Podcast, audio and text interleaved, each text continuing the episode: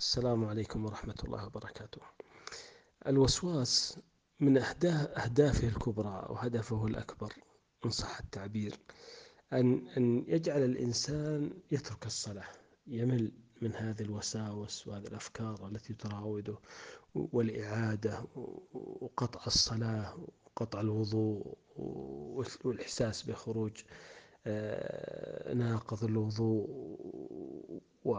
وتكرار الاستنجاء وهذه الأشياء هدف في النهاية أن يترك الإنسان الصلاة. يمل فيترك فيترك الصلاة. ولذلك على المسلم أن يحرص تمام الحرص أن لا يفكر بهذا الأمر نهائيا. لا يفكر بهذا الأمر نهائيا.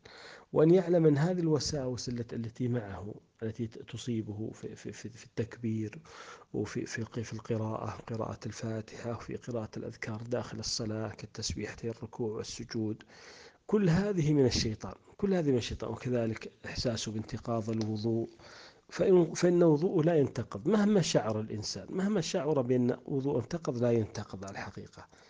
يعني فوضوءه باقي وصحيح ولا يلتفت لمثل هذه الوساوس ولا يفكر حتى مجرد التفكير في ترك الصلاة. وليستشعر الإنسان أنه في صلاة وجهاد. يعني الناس يأتون إلى الله في عبادة بعبادة في الصلاة وأنت تقدم إلى الله بالصلاة والجهاد في صلاة وجهاد. فهذا أمر عظيم يعني والأجر كما ذكر العلماء على قدر المشقة. على قدر المشقة الأجر. لكن الواجب على الإنسان أيضا أن لا يستسلم لهذه الوساوس. إن كل هذه الوساوس التي تأتي إنما هي من الشيطان. والشيطان عدو ظالم غاشم.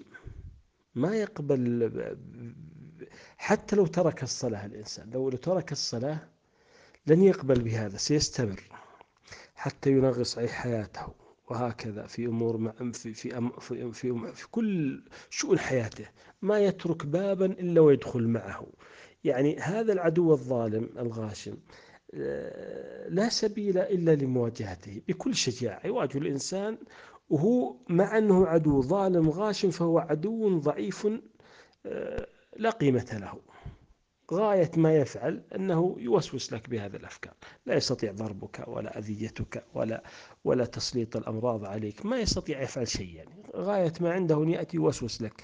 يقول لك انتقض وضوءك يقول لك لم تكبر جيدا. ولا يقول لك لم تفعل كذا ولا, ولا فعلت كذا. كل هذه الأشياء الواجب عليك أن تعلم أن أنها ليست من نفسك وليست من ضميرك وليست من الملائكة. إنما هي من الشيطان. من الشيطان الشيطان هو يوسوس لك.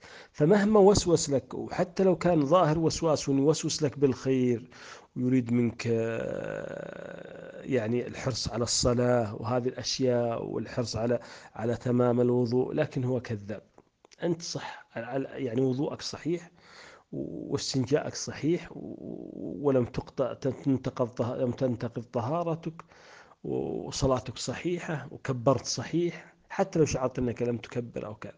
لكن لا يفكر الإنسان أبدا أبدا أيها الإخوة بترك الصلاة مهما كان لأن ترك الصلاة يعتبر انتصار كبير للشيطان. يعني يشعر أنه قد انتصر انتصر انتصار ساحق يعني عليك. فالإنسان مهما حدث ينبغي أنه يصلي.